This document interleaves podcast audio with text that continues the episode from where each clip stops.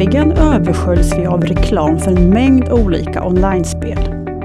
Vi lockas med spänning, stora vinstsummor och snabba utbetalningar. Spelen finns ofta bara ett klick bort och de kan nås var som helst ifrån och när som helst på dygnet. Utbudet har ökat explosionsartat och frågan är vad det gör med oss. Innebär det att fler riskerar att bli fast i spelberoende? För den som fastnar i spelmissbruk drabbas inte bara av ekonomiska problem utan också sociala och psykiska problem och det slår ofta hårt mot de anhöriga. Men trots att spelberoende är en sjukdom och diagnosen har funnits sedan 80-talet så har det forskats väldigt lite på området. Men forskning är faktiskt en förutsättning för att få fram nya, bättre behandlingar som är vetenskapligt förankrade. Välkomna till Vetenskap och hälsa, en serie poddar som lyfter forskning som rör vår hälsa och som idag kommer att handla om spelberoende. Jag heter Eva Bartonek och idag har vi bjudit hit Anders Håkansson, Sveriges första medicinprofessor i spelberoende med placering vid Lunds universitet. Och han är också läkare på Beroendecentrum i Malmö och hans forskning handlar till största delen om att förebygga och tidigt upptäcka spelproblem. Så välkommen hit Anders! Tack så mycket! Ja, hur är det? Hur stort är problemet egentligen? Alltså, risker, är det fler som riskerar att fastna i, i spelberoende idag? Mm, problemet är så stort att ungefär eh, mellan 1,5 och 2 procent av den vuxna befolkningen anses ha ett problemspelande. Och en del av dem har en faktisk diagnos spelberoende. Det tror vi är ungefär en halv procent av den vuxna befolkningen. Så att det är ett relativt stort, eller jag skulle säga att det är ett av folkhälsoproblemen eh, I de senaste mätningarna är det kanske i och för sig inte fler som har problem än vad det har varit tidigare, men jag tror att det finns en del saker idag i, i spelmönstret och i den mediala exponeringen för spel som är särskilt oroväckande och skulle kunna innebära en högre risk att nya personer får spelproblem och kanske till och med i högre grad än, än tidigare. Så ni har inte sett det, men du ser liksom tecken på att det skulle kunna bli så, är det så du menar? Jag tror att det finns anledning att vara orolig över de, eh, de spel som helt och hållet dominerar i, i media idag, därför att det är den typen av spel som man lätt fastnar i och som skulle kunna mm. rekrytera nya personer till spel och även bibehålla personer med, med spelproblem i, i, i bekymret. Så det finns anledning till oro inför, inför de närmsta åren. Mm. Uh, för jag har liksom hört uttrycket högriskspel och lågriskspel. Vad är det för typ av spel som är de här högriskspelen? Mm, högriskspelen är eh, de, där, eh, så de som är snabba, där tiden till vinst eller förlust är, är väldigt kort, men som också eh, har en hög tillgänglighet, det vill säga man behöver inte ta sig någonstans, man behöver inte passa öppettider eller vänta på en speciell dragning, utan spelet finns där alltid, hela dygnet och det finns där både om man mår bra eller inte bra, om man är utsatt för någon typ av riskfaktor eller inte. Och eh, om man har ett beroende och kämpar med det så finns ju spelet där både när man är, är motiverad och kanske motivationen sviktar. Så alltså att de är högrisk på det sättet och de det handlar om det är nätkasinospel eh, och egentligen också betting på sport som pågår live, så att säga. Så kallad live-betting på sport, därför att den har också karaktären av att den är, den är hela tiden tillgänglig och väldigt, väldigt snabb. Du sa också eh, spelproblem och spelberoende. Då. Det är spelberoende som är en diagnos. Då. Vad är det för kriterier? Hur ställer man den här diagnosen? Ja, man ställer spelberoende diagnos som man gör med annan psykiatrisk diagnostik, alltså utifrån kriterier. Man räknar kriterier helt enkelt ur en lista med möjliga eh, symptom. Ehm, och då ska man uppfylla fyra av de nio kriterier som finns för att ha ett beroende. Och, men då är det viktigt att säga att har man, har man, färre, har man något men, men färre, av fyra, färre än fyra kriterier så har man ju också ett problem men kanske ännu inte diagnosen och sannolikt en bättre prognos då. Diagnoskriterierna handlar om till exempel att man spelar för mer och mer, att spelandet inte längre är lustfyllt utan handlar om att jaga tillbaka förluster och om eh, det vi kallar kontrollförlust, att man har tänkt att spela i en viss omfattning men, men spränger sina egna gränser gång på gång. Mm. Och då måste jag också passa på att fråga om det här med datorspel. För när jag förberedde det här programmet så var det faktiskt flera i min bekantskapskrets som sa, men du måste fråga om datorspel. Mm. Som är så oroliga för sina barn. Är det, kan man hamna i ett datorspelmissbruk? Ja, det kan man göra. Det är väl likadant där, tänker jag, att den kliniska bilden finns absolut. Vi vet att det finns personer, och inte så få personer, som har ett problematiskt dataspelande, som helt enkelt spelar för mycket eller har svårigheter att kontrollera sitt eget spelande även, även i dataspel. Och som utvecklar ett visst lidande eller, eller försummar andra saker i livet på ett sätt som, som eh, de blir lidande av Eh, som med andra saker finns det naturligtvis också en oerhört stor mängd personer som spelar dataspel som inte lider av det och som kan kontrollera det, som kanske i perioder spelar väldigt, väldigt mycket men som i andra perioder spelar mindre. Så att det är absolut så att det här, jag tror att det är som med alkohol och med spel om pengar till exempel, att många gör det och en minoritet eh, får problem och kanske till och med ganska stora problem och behöver då också eh, hjälp och insatser för det.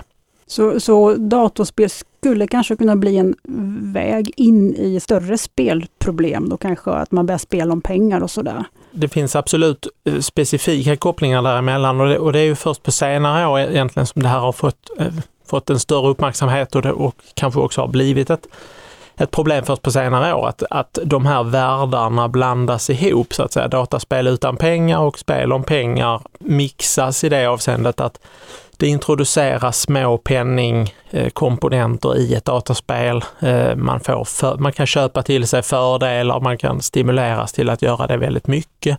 Det är också så att, att dataspelande blir en sport i högre grad och en sport som man kan eh, betta på, som man kan spela om, precis som man kan göra med, med andra traditionella sporter som vi, där vi har ett utvecklat spel om pengar. Så att det, fin- det är absolut så att de här, de här företeelserna går ihop lite grann och det är fullt tänkbart att, jag tror till och med att det är så att ett, ett problematiskt eller överdrivet dataspelande är en riskfaktor för, eh, eller åtminstone kopplat till en högre risk att, att bli beroende av spel om pengar också. Mm. Och då är det så, just det här att man spelar om pengar, det är det som är lite centralt i, i själva definitionen av spelberoende också. I diagnosen som finns idag så handlar det om spel om pengar, det man kallar med ett gammalmodigt uttryck för hasardspel, alltså spel där man satsar pengar i syfte att vinna pengar. Och där har vi en lång historia och, och en väl etablerad diagnos, att säga. vi vet att det finns och att det har funnits i väldigt, väldigt många år och i många kulturer eh, och att det är ett kliniskt eh, signifikant problem idag också. Eh, om man nu är förälder till ett datorspelande barn och är orolig, vad, vad är det för liksom, signaler man ska vara uppmärksam på? Vad ska man hålla koll på? Mm. Det är ju en, det är en svår fråga där vi, där vi egentligen inte heller kan säga att vi har svaren på det i, i forskning. Men om man ändå ska, ska gå på det man tror, som jag ändå tror leder ganska långt i det här fallet, så, så, så ska man vara vaksam på när, när det inte bara blir lustfyllt längre utan när det upplevs som tvångsmässigt och när det framförallt går ut över det som den unga personen normalt sett gillar att göra och, och, och ja, normalt sett skulle ha gjort och skulle ha velat göra och, och, och, normalt sett bryr sig om. Men när, när andra saker försummas på det viset att, att man, man faktiskt kan uppleva att här finns något lidande eller, eller någon slags okontrollerbart, eh, okontrollerbar vana som, som individen inte kan kontrollera och inte kan hantera och som går ut över det som individen egentligen skulle vilja göra. Mm. Ja men då blir jag nyfiken på, eh, vi var inne på det här med att de flesta så att säga beroenden har eh, en koppling till någon form av kemisk substans då, men det har ju inte spel. Och då börjar jag fundera på vad, vad finns det för likheter och skillnader och vad händer i hjärnan? Likheterna är är, och det är väl också anledningen till att vi pratar om detta, det är att det finns någon typ av påverkan i hjärnans belöningssystem. Det finns någonting som människan upplever som kraftigt belönande i att vinna pengar eller kanske till och med i förvänt, eh, förväntanseffekten av att man kanske vinner pengar i den, i, i den spänningen. Här finns någonting som, som påverkar människans och hjärnans belöningssystem som ju är ett helt fundamentalt system för att vi ska vilja göra saker och, upprepa saker som är bra för oss. Och för att någonting ska bli beroendeframkallande så, så krävs det någon typ av stimulans i det systemet och, och det ger spel om pengar eh, lik på samma sätt eller på, det, det, gör det likväl som alkohol och narkotika gör det, sannolikt via lite olika vägar. Eh, och det här är ett område vi vet mycket mindre om än vad vi vet om substansberoendeområdet. Men man kan absolut säga att dopamin är involverat, eh, belöningssystemet är involverat. Varför vet ni mindre om, om mm, när det gäller spelberoende? För att det är ett nyare område och svårare att titta på i, i eh, eh, både på människa och djur naturligtvis. Alltså substanser kan vi eh, kan vi, vi, vi ska inte heller, heller säga, men de som är duktiga på den typen av forskning eh, kan ju på ett mycket enklare sätt imitera drogintag. Eh, därför att man kan helt enkelt använda alkohol och, och eh, selekterade eh, narkotiska mm, mm. substanser i, i försök. Att man kanske gör eh, djurförsök och sådär och eh, jag vet inte, kan man få en mus till att bli spelberoende? Nej, det kan man ju inte. Man kan möjligtvis mm, imitera detta eller liksom bygga modeller som handlar om risktagande och riskbenägenhet och så. Men det är ju inte heller riktigt samma sak som en människa som blir spelberoende. Så att nej, det, det är ju en stor skillnad att det går inte att, att göra den typen av modeller så exakt. Så att den gemensamma faktorn det är liksom det här belöningssystemet och det är då dopamin, den kemiska substansen som på något sätt är den gemensamma faktorn då. Eh, men det här belöningssystemet är ju egentligen eh, i grunden så att säga har varit livsviktigt för vår överlevnad. Vi ska mm, må bra av att äta, det ska, man ska få en kick av att ha sex för att vi ska bli fler. Men varför har det gått överstyr? Eller varför går det överstyr då? Ja, det kan man fråga sig varför, varför människan behöver spela. Så att säga. Det, ja, nej, men det, det, är en väldigt bra fråga. Jag tror, jag tror det är så här att det kanske inte är spel om pengar som människan behöver så att säga, utan det finns ju komponenter i detta som, som ligger väldigt nära det som, som vi eftersträvar och, och gillar. Alltså det kan handla om ljud och ljusupplevelser. Det kan handla om, om den förväntanseffekten som byggs upp så att säga. Det kan handla om identitet, att, att bli någon, att, att bli bra på något, att vinna framgång i, eh, i det korta eller långa perspektivet. Och det, det, finns så att säga delkomponenter i spelupplevelsen som, som ligger väldigt nära sånt som vi människor drivs av. Nu är det säkert så att eh, de, de som lyssnar på oss, nästan alla har väl spelat någon gång på någonting. Men det är ju en väldigt få som fastnar i det här spelberoendet. Finns det några riskgrupper eller hur ser det ut där? Mm. Jo, det är precis som du säger, att det är en minoritet som fastnar, men som fastnar ganska ordentligt. Och, eh, det finns absolut riskfaktorer. Att vara man är en riskfaktor. Det är fler, betydligt fler män som blir spelberoende. Eh, kvinnor som blir det får, har, har också väldigt stora problem och kanske till och med större problem, men, men det är absolut fler män. Eh, yngre ålder måste man säga är en, en riskfaktor. Ett annat beroende Eh, att redan ha ett annat beroendetillstånd är, får anses vara en riskfaktor. Och egentligen all typ av psykisk ohälsa, alltså att, att inte må bra eller att ha det ofördelaktigt, befinna sig i en ofördelaktig situation i livet på något sätt.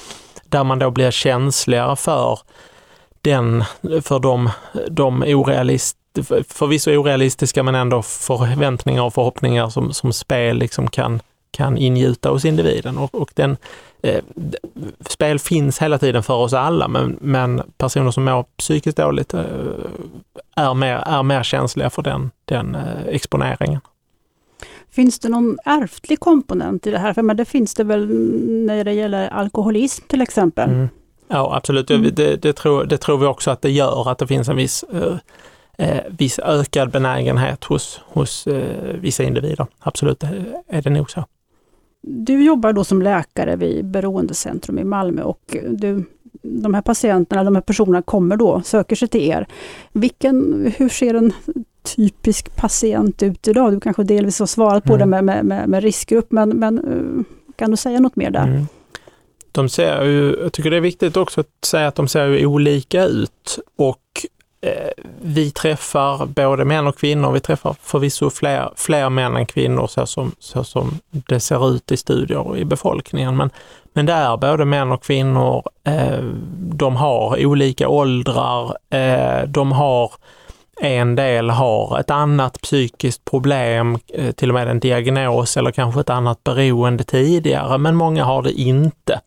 Så jag skulle säga att vi träffar både patienter där vi kan säga att här finns en tydlig riskprofil eller tydliga, tydliga riskfaktorer från början. Men vi träffar också patienter där det inte känns, där det inte känns så utan att, att det känns som att eh, man har blivit spelberoende eh, utan en, utan en tydlig bakomliggande orsak. Mm. Och om man då kommer till er och, och eh, har det här problemet, vad har ni för behandlingar att erbjuda? Då behandlas patienten med en eh, samtalsterapi eh, i allmänhet hos oss och på, på de flesta ställen. En metod som är, som är eller är nära influerad av kognitiv beteendeterapi, alltså KBT, som är en väletablerad terapimetod som ges i svensk eh, och annan sjukvård och, och andra sammanhang för eh, olika typer av psykisk ohälsa egentligen. Ganska många tillstånd har Eh, har ett vetenskapligt stöd för att behandlas med KBT. Kan du ge något liksom, konkret exempel på hur en sån här samtalsterapi kan gå till? Mm. Terapin den kan vara individuell eller den kan vara i grupp. Det ser lite olika ut på olika mottagningar. Och innehållet handlar egentligen ganska mycket om att lära känna, eh, att för, för individen och i viss mån för behandlaren lära känna vad, vad, är, vad är individens triggers? Vad är det som driver den personen till att spela? Vad, vad fyller spelandet för funktion i eh, patientens liv och hur kan man ersätta det på något, på något bättre sätt? En stor del handlar om återfallsprevention, alltså att titta på vad är det som föregår återfallen? Vad är det för tankar, känslor och händelser som som föregår de där tillfällena när individen återfaller trots mycket kunskap om sitt beroende och trots goda insikter och väldigt hög motivation. Vad är det som gör att, eh, vilka saker är det som, som gör att man ändå trots allt återfaller? Vilka situationer och hur kan man hantera dem på ett annat sätt? Hur framgångsrika är ni? Hur, hur många blir faktiskt så att säga, fria från sitt beroende? Mm. Det är svårt att säga någon siffra på det och egentligen är det, det är en del av sånt vi, vi forskar på kan man säga. Hur, hur går det i behandlingen och hur ser det ut på, på några månaders sikt? Ehm, det är, en svår fråga, det är en svår fråga att svara på. Det är väldigt vanligt i spelberoendebehandling att många blir mycket bättre under behandlingen. Det vill säga många lyckas att sluta spela eh, under behandlingen, kanske tack vare behandlingen eller kanske ibland tack vare att man har, har tagit ett stort steg och tagit itu med, med sitt problem. Um, och, det, och, en stor fråga som, som delvis är obesvarad är också hur, hur långtidsförloppet ser ut. Vi vet från den behandlingsforskning som finns att ofta är studierna ganska korta som de ofta är vid komplexa tillstånd och, och uh, det, det, är en del av utmaningen i forskningen att, att få en bättre förståelse för långtidsförloppet. Kan man liksom säga att det finns nyktra spelmissbrukare? Eh, alltså, är det så att har man blivit fri så måste man hålla sig borta från spel sen? Jag tror att eh, det finns absolut många personer som har kommit ut på, på andra sidan och blivit fria från sitt spelande och för, förblir det. Ja, jag, ut, utan att säga någonting med 100% säkerhet så skulle jag säga att ja, jag, jag tror absolut att det finns personer som helt enkelt inte kan spela om pengar eh, i stort sett alls egentligen, utan åtminstone att, att eventuellt spelande och pengar innebär en så stor risk att trilla tillbaka i någonting som får väldigt förödande konsekvenser så att det liksom inte är värt att, att, att, att chansa, det är inte värt att prova det. Så att jag, jag tror att det finns de som helt enkelt eh, måste avhålla sig från spel helt och hållet. Ja, du är som sagt eh, Sveriges första medicinprofessor i spelberoende och det är ju som sagt något nytt. Eh, vad får du för reaktioner av när du berättar om det här? För vänner och bekanta eller, eller även yrkesmässigt? Den utan tvekan vanligaste reaktionen handlar om hur det kan se ut som det gör i reklamexponeringen för spel som, som jag tror att gemene man också uppfattar som riskabla. Eh, många, många undrar och frågar hur, hur kan det vara på det här sättet? Hur kan det ha blivit så här de senaste åren med den här oerhörda explosionen? Hur kan det ens vara, vara möjligt eller tillåtet? Situationen är ju den att det här, det här dessutom gäller spel som inte finns officiellt som in, i Sverige, som inte är reglerade och, och, helt enkelt inte opererar från Sverige. För det, det, kan, det kan de inte utan de opererar från, från, an, från, från andra länder helt enkelt men vänder sig till en svensk marknad. Och, Eh, och det där tror jag att många, många undrar över om inte det är väldigt riskabelt för att, det, för att det förefaller väldigt riskabelt och vad man möjligtvis skulle kunna göra åt det. Mm. Det, är det, det är den vanligaste spontana reaktionen tror jag. Och, och, som sagt, det går väl inte att göra någonting åt det i och med att de ligger utomlands de här. Ja, det är juridiskt komplicerat naturligtvis. Sen, sen det, man, det man gör är att man just nu i Sverige tittar på spelmarknaden och, och det finns en, en oerhört tjock och ambitiös spelutredning som kom tidigare i år och som har varit ute på remiss och ska till slut då utmynna i ett lagförslag som vi får se exakt hur det, hur det blir. Men som handlar om att försöka ta kontroll över spelmarknaden, att försöka få få något typ av licenssystem där man ska premiera eh, spel, eh, de som tillhandahåller spel och, och som, eh, men som do, premiera de som gör det med seriösa eh, förebyggande mekanismer och, ett seriöst spelansvar. Så att man vill, ta, man vill helt enkelt ta in bolag i ett eh, lagligt system som tar spelansvaret på, på stort allvar. Och, och, det blir intressant att se hur, hur, hur man lyckas med det naturligtvis och, och eh, det, den viktigaste frågan är ju hur man hur det trots allt blir ute i, situa i spelsituationen, eh, hur, i vilken grad man kommer att kunna jobba med individen att, att se de här problem, det problematiska mönstret utvecklas och vad man då gör. Och det är mycket här som vi inte vet och som, som blir väldigt spännande och väldigt avgörande tror jag att, att, att följa hur, hur det faktiskt blir eh, i realiteten. Mm. Men du berättade för mig tidigare att, att du började med att forska på så här, vanligt drogberoende. Då. Men vad var det som fick dig att bli intresserad av spelberoende? Um, flera olika saker. Dels är det ju ett ämne i tiden verkligen på alla sätt. Sen är det en, en väldigt konkret uh, faktor där är att jag för, för några år sedan gjorde en, eh, en eh, forskningsvistelse i Barcelona i en grupp som, som i många flera år har jobbat med, med, eh, med spelberoende och som gör det i stor, ganska stora kliniska material och som är duktiga. Och där lärde mig mycket. Sen är det ju också så att det har det är naturligtvis så att det, det tillskapades en forskartjänst på det här området och det har det inte funnits tidigare. Så det, det är ju ett, det är ett konkret sätt som man har har fört in ett ämne i forskningen, som, eh, eller i den medicinska forskningen i alla fall, som inte har funnits där tidigare. Nu har ju inte ni hållit på så länge så att eh, ni har väl kanske inte fått så mycket resultat. Men, men eh, kan du berätta lite grann om de här olika forskningsprojekten? För det är alltså, du vill titta på förebyggande och tidig upptäckt. Då. Kan du mm. ge några exempel på vad, vad ni tittar på? Mm, det finns några stycken, några stycken exempel. Vi jobbar till exempel nu med ett projekt där vi precis har fått precis har fått ett ganska stort anslag för att titta på hur skuldsättning och eh, ekonomiska förluster ser ut vid eh, nätkasinospelande och hur det Eh, för så, för så tror vi att det är och det ser vi i kliniken att det är så, men vi vill titta närmare på hur, hur det här är beroende av hur man tänker kring den reklamexponering som vi har, hur man, hur man ställer sig till den, men också till hur, hur man mår och hur psykisk ohälsa och eh, tidigare erfarenheter hos individen Eh, påverkar detta. För att det vi vill komma nära handlar ju om att vi alla är exponerade för en, en reklam för högriskspel, men de flesta av oss blir inte spelberoende och många blir säkert inte särskilt lockade heller av att spela. Men en del blir det och en del fastnar och vi vill ta reda på eh, vilka de är och vad det är som, som gör det. Sen finns det andra saker också. Vi är väldigt intresserade av unga och ungas spelande och det, det handlar både om spel om pengar men det handlar också om dataspels eh, vanor. Det handlar om mobiltelefonvanor, spel i mobilen.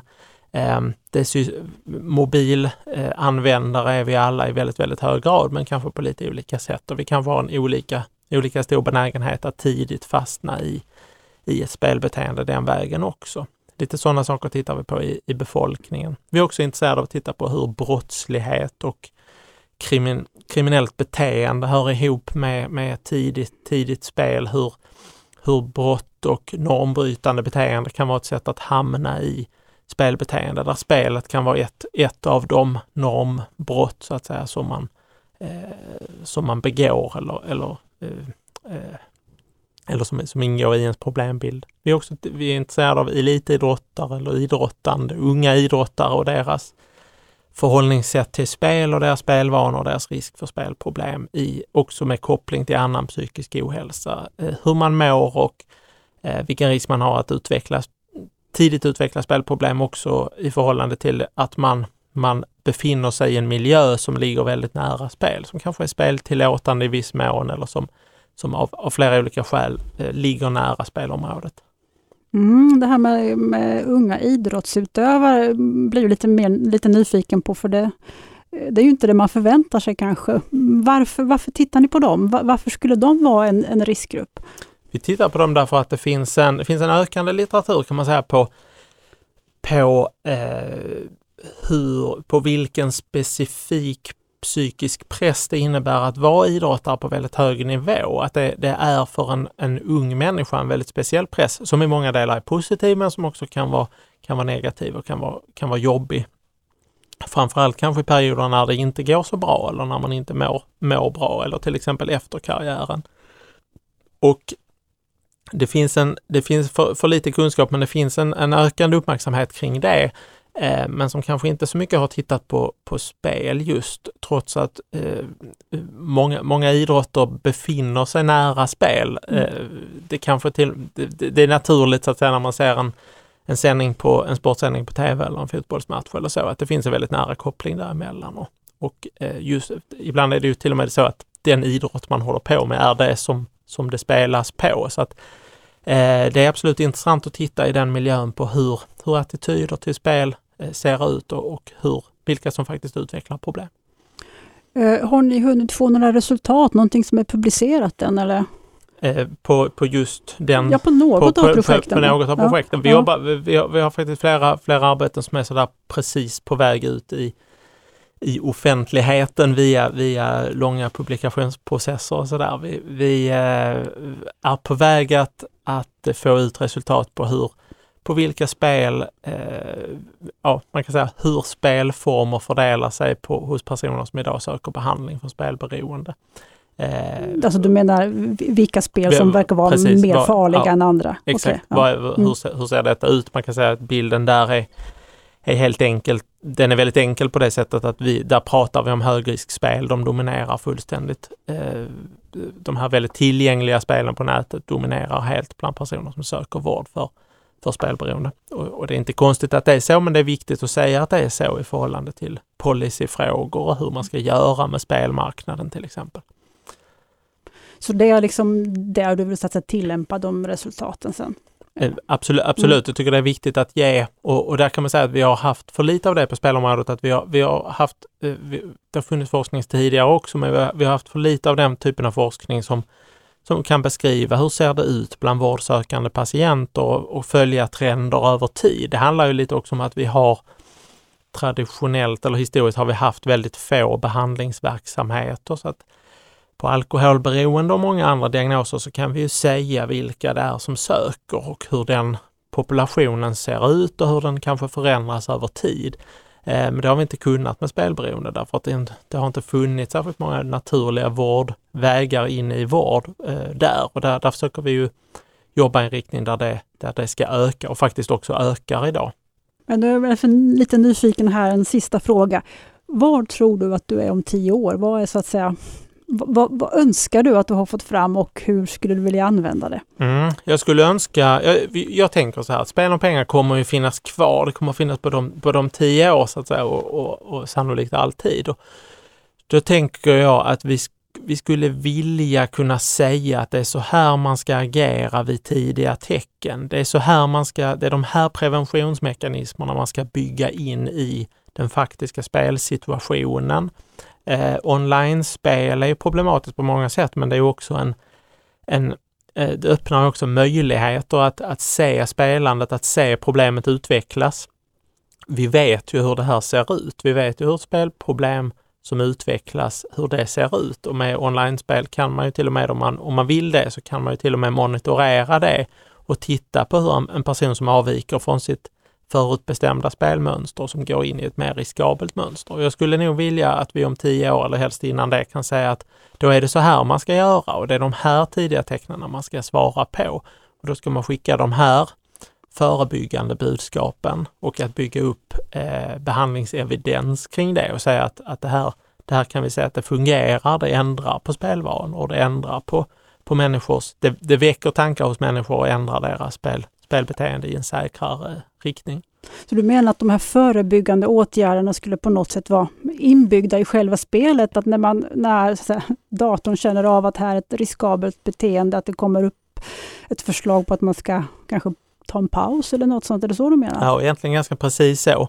Ehm, att, därför att det kan, det kan vi inte med särskilt många andra hälsoproblem. Vi, kan, vi ser dem inte hända på det sättet, men med online-spel så finns ju det, de tekniska förutsättningarna för att göra det. Sen finns det ju redan idag möjligheter att, att spärra sig, att stänga av sig, att ta en paus. Eh, ehm, eh, och det finns också skäl att forska på hur, hur bra fungerar de här metoderna egentligen och, och fungerar vissa bättre än andra? Det tror, tror jag också är sånt som vi skulle vilja ha svar på. Ja, men det låter jättespännande. Det blir kul att se hur det blir i framtiden. Tack så mycket Anders Håkansson för att du ville komma hit. Tack så mycket. Du har lyssnat till en poddserie om forskning som produceras av redaktionen vid Vetenskap och hälsa. Mer information finns på vetenskaphalsa.se. Du kan också följa oss på sociala medier.